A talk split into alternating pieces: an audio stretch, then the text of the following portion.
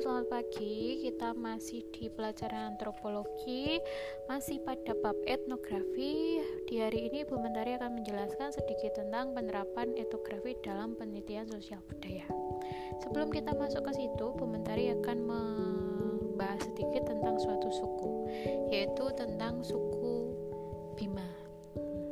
Kira-kira kalian tahu atau tidak suku Bima itu berasal dari mana? suku Bima itu merupakan suku yang mendiami Kabupaten Bima dan Kota Bima di Provinsi Nusa Tenggara Barat.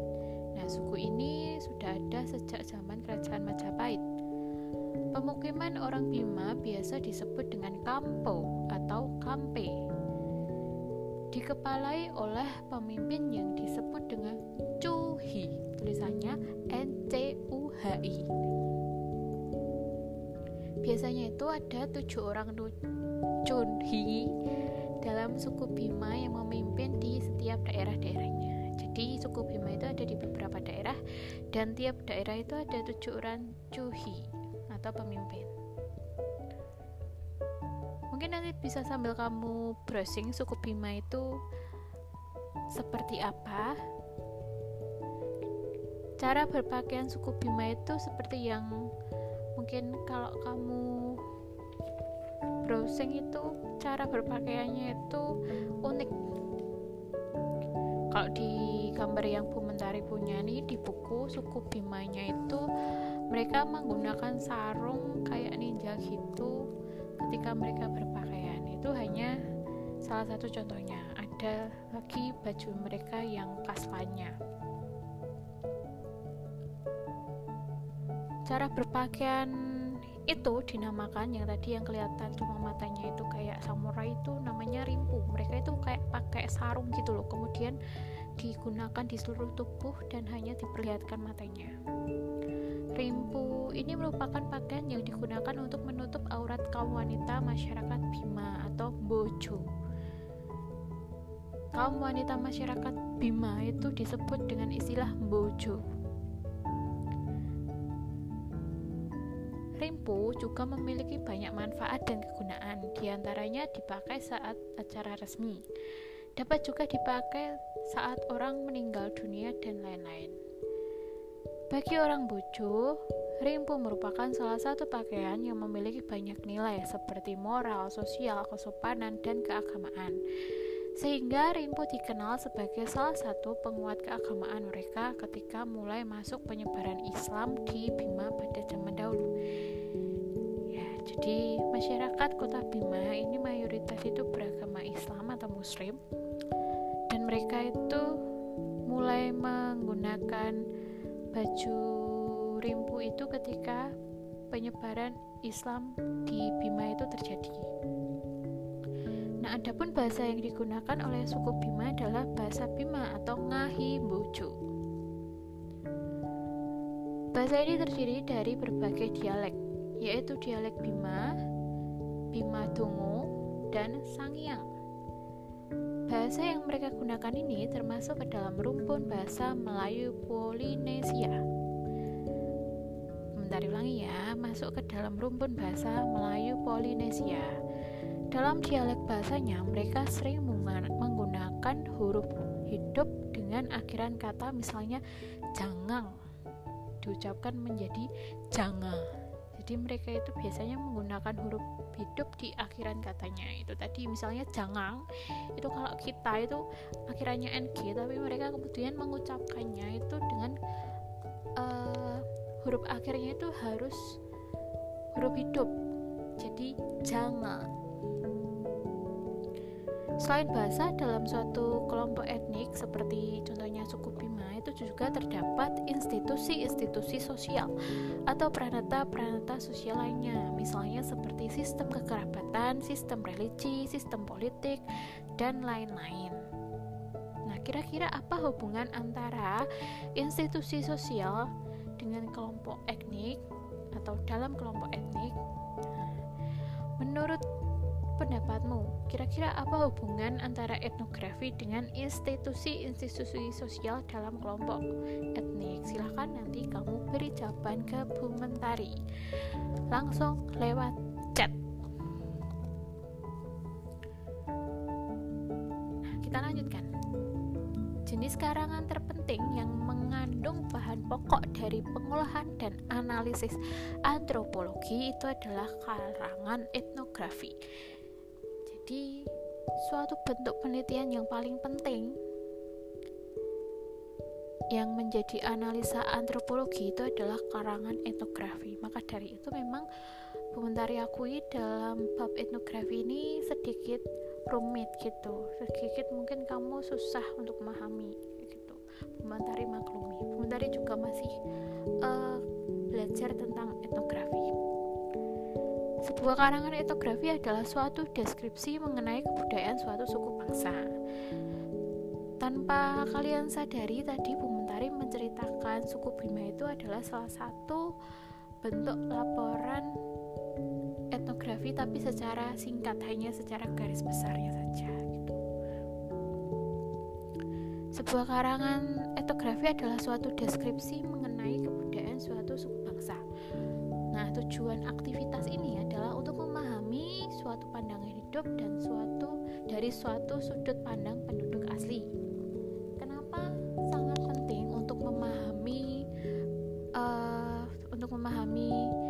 suatu suku itu dari sudut pandang penduduk asli itu supaya kita dapat memahami atau mengerti apa yang mereka lakukan atau makna dibalik apa yang mereka lakukan. Jika kita melihatnya dari sudut pandang mereka, kita akan benar-benar melihatnya itu secara objektif. Berbeda ketika kita memandang suatu kebudayaan dengan sudut pandang kita sendiri atau melakukan yang namanya etnosentrisme. Kalau kita melihatnya dari sudut pandang kebudayaan kita, belum tentu semua kebudayaan itu bisa masuk ke dalam diri kita atau kita bisa memahami semua kebudayaan itu. Karena kan pasti setiap kebudayaan itu berbeda. Nah, biasanya kalau orang menemukan suatu kebudayaan yang berbeda, itu nanti akan menimbulkan yang namanya tadi etnosentrisme, memandang suatu kebudayaan lain dari sudut pandang kita sendiri dan biasanya akan e, melihat suatu kebudayaan itu lebih rendah daripada kebudayaan yang dimiliki sendiri kayak gitu.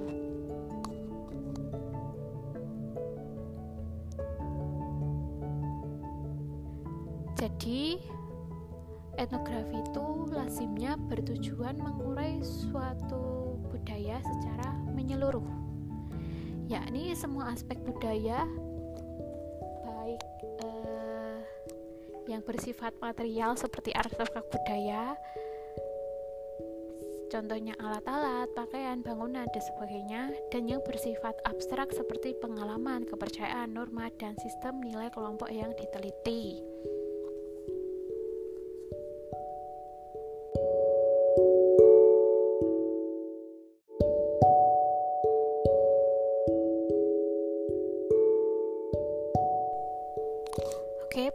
Lanjutkan, maaf tadi kepotong. Jadi etnografi itu lazimnya bertujuan menguraikan suatu budaya itu secara menyeluruh, yakni semua aspek budaya, baik itu yang bersifat material seperti artefak yang bisa kalian lihat, itu alat-alat, pakaian, bangunan, dan sebagainya, dan yang sifatnya itu abstrak seperti pengalaman, kepercayaan, norma, dan sistem nilai kelompok yang diteliti semua sesuatu ya, kalau tadi yang material itu yang bisa kamu lihat secara langsung kalau yang abstrak itu tidak bisa dilihat secara langsung tapi bisa dirasakan kayak gitu.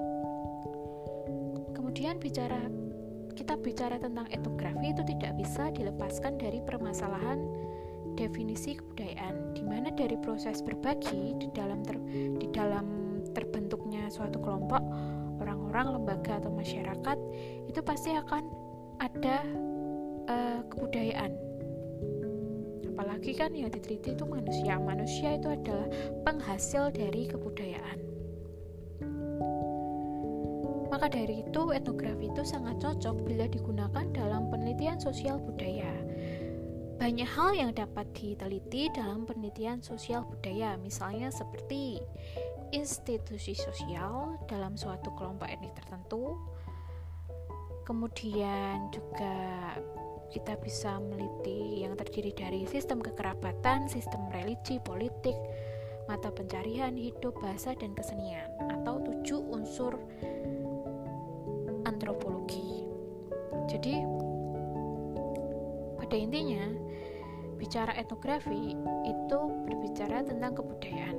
Seperti yang dulu di kelas 10 mungkin kamu masih ingat kalau kebudayaan itu punya tujuh unsur. Nah, tujuh unsur inilah yang diteliti dalam etnografi. Ada sistem kekerabatan, religi, politik, sistem mata pencarian, dan lain-lain. Dalam etnografi, etnografer bukan hanya mengamati tingkah laku, tapi lebih dari itu, dia itu menyelidiki makna tingkah laku itu. Jadi tidak hanya melihat, tidak hanya mengamati, tetapi peneliti itu harus mengerti makna di balik tingkah laku dari masyarakat yang diteliti. Jadi memang berat sekali ya uh, tugas seorang etnografer itu sudah harus tinggal di sana selama beberapa bulan meneliti masih harus ikut dalam kegiatan di masyarakat itu dan lain-lain. Institusi sosial itu menjadi salah satu faktor yang mempengaruhi tingkah laku tersebut. Hal ini sesuai dengan fungsi-fungsi pranata sosial di dalam masyarakat yang dikemukakan oleh Bapak Sukanto. Bapak Sukanto ini adalah salah satu ahli dari antropologi. Nah, fungsi-fungsi pranata sosial di dalam masyarakat yang dikemukakan oleh Pak Sukanto adalah sebagai berikut. Yang pertama, memberi pedoman pada anggota masyarakat tentang bagaimana bertingkah laku atau bersikap di dalam usaha untuk memenuhi segala kebutuhan hidupnya. Dengan demikian, pranata sosial telah siap dengan berbagai aturan atau kaidah-kaidah sosial yang dapat dipergunakan oleh setiap anggota masyarakat untuk memenuhi kebutuhan hidupnya. Yang kedua, untuk menjaga kebutuhan masyarakat dari ancaman perpecahan dan disintegrasi. Hal ini mengingat bahwa sumber pemenuhan kebutuhan hidup bisa dikatakan tidak seimbang dengan jumlah manusia yang semakin bertambah, baik secara kuantitas maupun kualitasnya, sehingga dimungkinkan pertentangan yang bersumber pada perebutan maupun ketidakadilan dalam usaha memenuhi kebutuhan akan ancaman kesatuan dari warga masyarakat. Oleh karena itu, norma-norma sosial yang terdapat dalam pranata akan berfungsi untuk mengatur pemenuhan hidup dari setiap warga secara adil, sehingga dapat terwujudnya kesatuan dan ketertiban. Yang ketiga, berfungsi untuk memberikan pegangan dalam mengadakan sistem pengendalian sosial. Sanksi-sanksi atau pelanggaran norma-norma sosial merupakan sarana agar setiap warga masyarakat tetap convert dengan norma-norma sosial tersebut, sehingga tertib sosial dapat terwujud. Dengan demikian, sanksi yang melekat pada setiap norma sosial itu merupakan pegangan dari warga untuk meluruskan maupun memaksa warga agar tidak menyimpang dari norma sosial, karena pranata sosial akan tetap tegar di tengah masyarakat. Nah, kan pada dasarnya Manusia selalu hidup di dalam suatu lingkungan yang serba berpranata. Artinya segala tindak tanduk atau perilaku manusia itu akan senantiasa diatur menurut cara-cara tertentu yang telah disepakati bersama.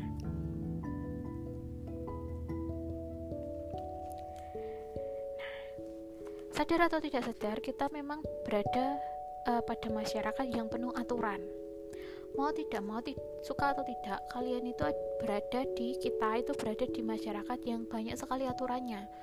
Aturan itu diadakan atau harus ada itu untuk apa ya? Itu tadi untuk mengatur perilaku manusia. Bayangkan kalau tidak ada aturan. Misalnya tidak ada aturan di sekolah. Kamu bisa membayangkan kadang kita saja ketika masih ada aturan itu pelanggaran-pelanggaran itu masih banyak yang terjadi apalagi kalau tidak ada peraturan. Memang tidak ada yang dilanggar kemudian kalau nggak ada aturan. Tapi kamu bisa membayangkan bagaimana kehidupan itu tanpa aturan. Sekarang ada aturan tidak boleh membunuh saja. Banyak orang yang masih membunuh. Tidak boleh mencuri. Banyak orang yang masih mau mencuri. Seperti itu. Aturan itu pada dasarnya mengikat. Norma-norma itu pada dasarnya mengikat ketika masyarakat itu tidak mampu untuk mentaati norma, dia akan dianggap menyimpang. Kalau penyimpangan terjadi, mereka biasanya akan mendapatkan sanksi-sanksi, mau itu sanksi sosial maupun sanksi hukum. Kayak misalnya sekarang, kalau kalian lihat banyak sekali kasus di media sosial yang tiba-tiba orang viral karena melakukan suatu kesalahan. Selain dihukum dengan hukuman yang resmi, ada juga juga sanksi sosial yang diberikan kepada orang yang telah melanggar aturan tersebut kayak gitu. Jadi sadar atau tidak, kita itu hidup dalam dunia yang penuh aturan dan ketika kita melanggar, kita harus menerima konsekuensinya mau itu sanksi sosial maupun sanksi hukum. Dengan penelitian etnografi memungkinkan kita untuk mempelajari berbagai suku bangsa atau kelompok etnik yang ada di Indonesia beserta kebudayaannya secara terperinci. Dengan mengetahui keberagaman suku bangsa Indonesia, kita diharapkan agar lebih mencintai, menghargai, dan bangga dengan kebudayaan kita sendiri. Kebudayaan yang menjadikan kita sebagai masyarakat yang multikultural yang menjunjung persatuan dan kesatuan sebagai satu bangsa yaitu bangsa Indonesia.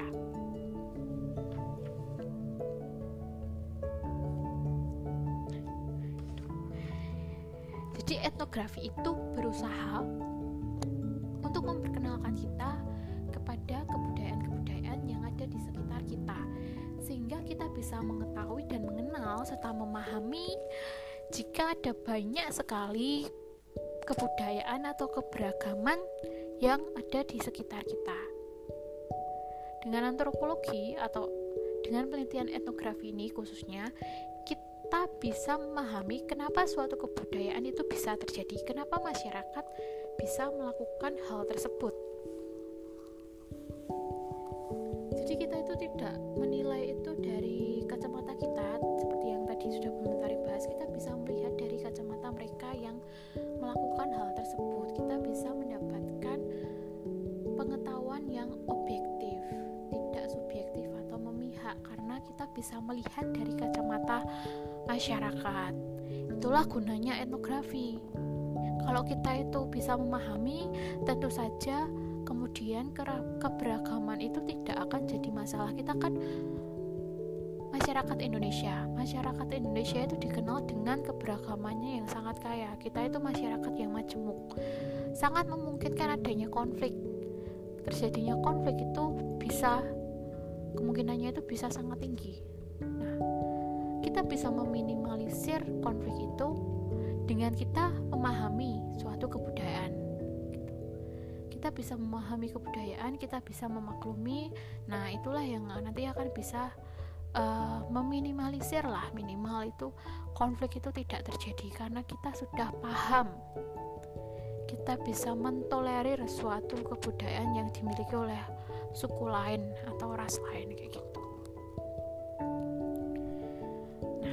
sampai di sini dulu penjelasan Bu Mentari nanti ada soal di di note. Silahkan kamu kerjakan sekaligus itu jadi salah satu bahan catatan kalian. Dan e, kalau tidak salah jadwal sih minggu depan kita sudah tes ya. Kita sudah PHP jadi silahkan kamu benar-benar uh, bertanya ke Bu Mentari kalau memang kamu kurang jelas silahkan kamu benar-benar dengerin dulu eh, materi-materi uh, kita baca-baca materi kita termasuk tugas-tugas yang kemarin sudah kamu kerjakan itu kamu baca-baca lagi. Kemudian kalau ada pertanyaan silahkan ditanyakan ke komentari setelah ini silahkan habis ini kalian mendengarkan eh, mengerjakan materi. Beberapa soal tidak banyak silahkan dikerjakan. Itu jadi bahan catatan dan bahan nanti untuk PHP gitu. terima kasih sudah mau untuk mendengarkan. Selamat pagi.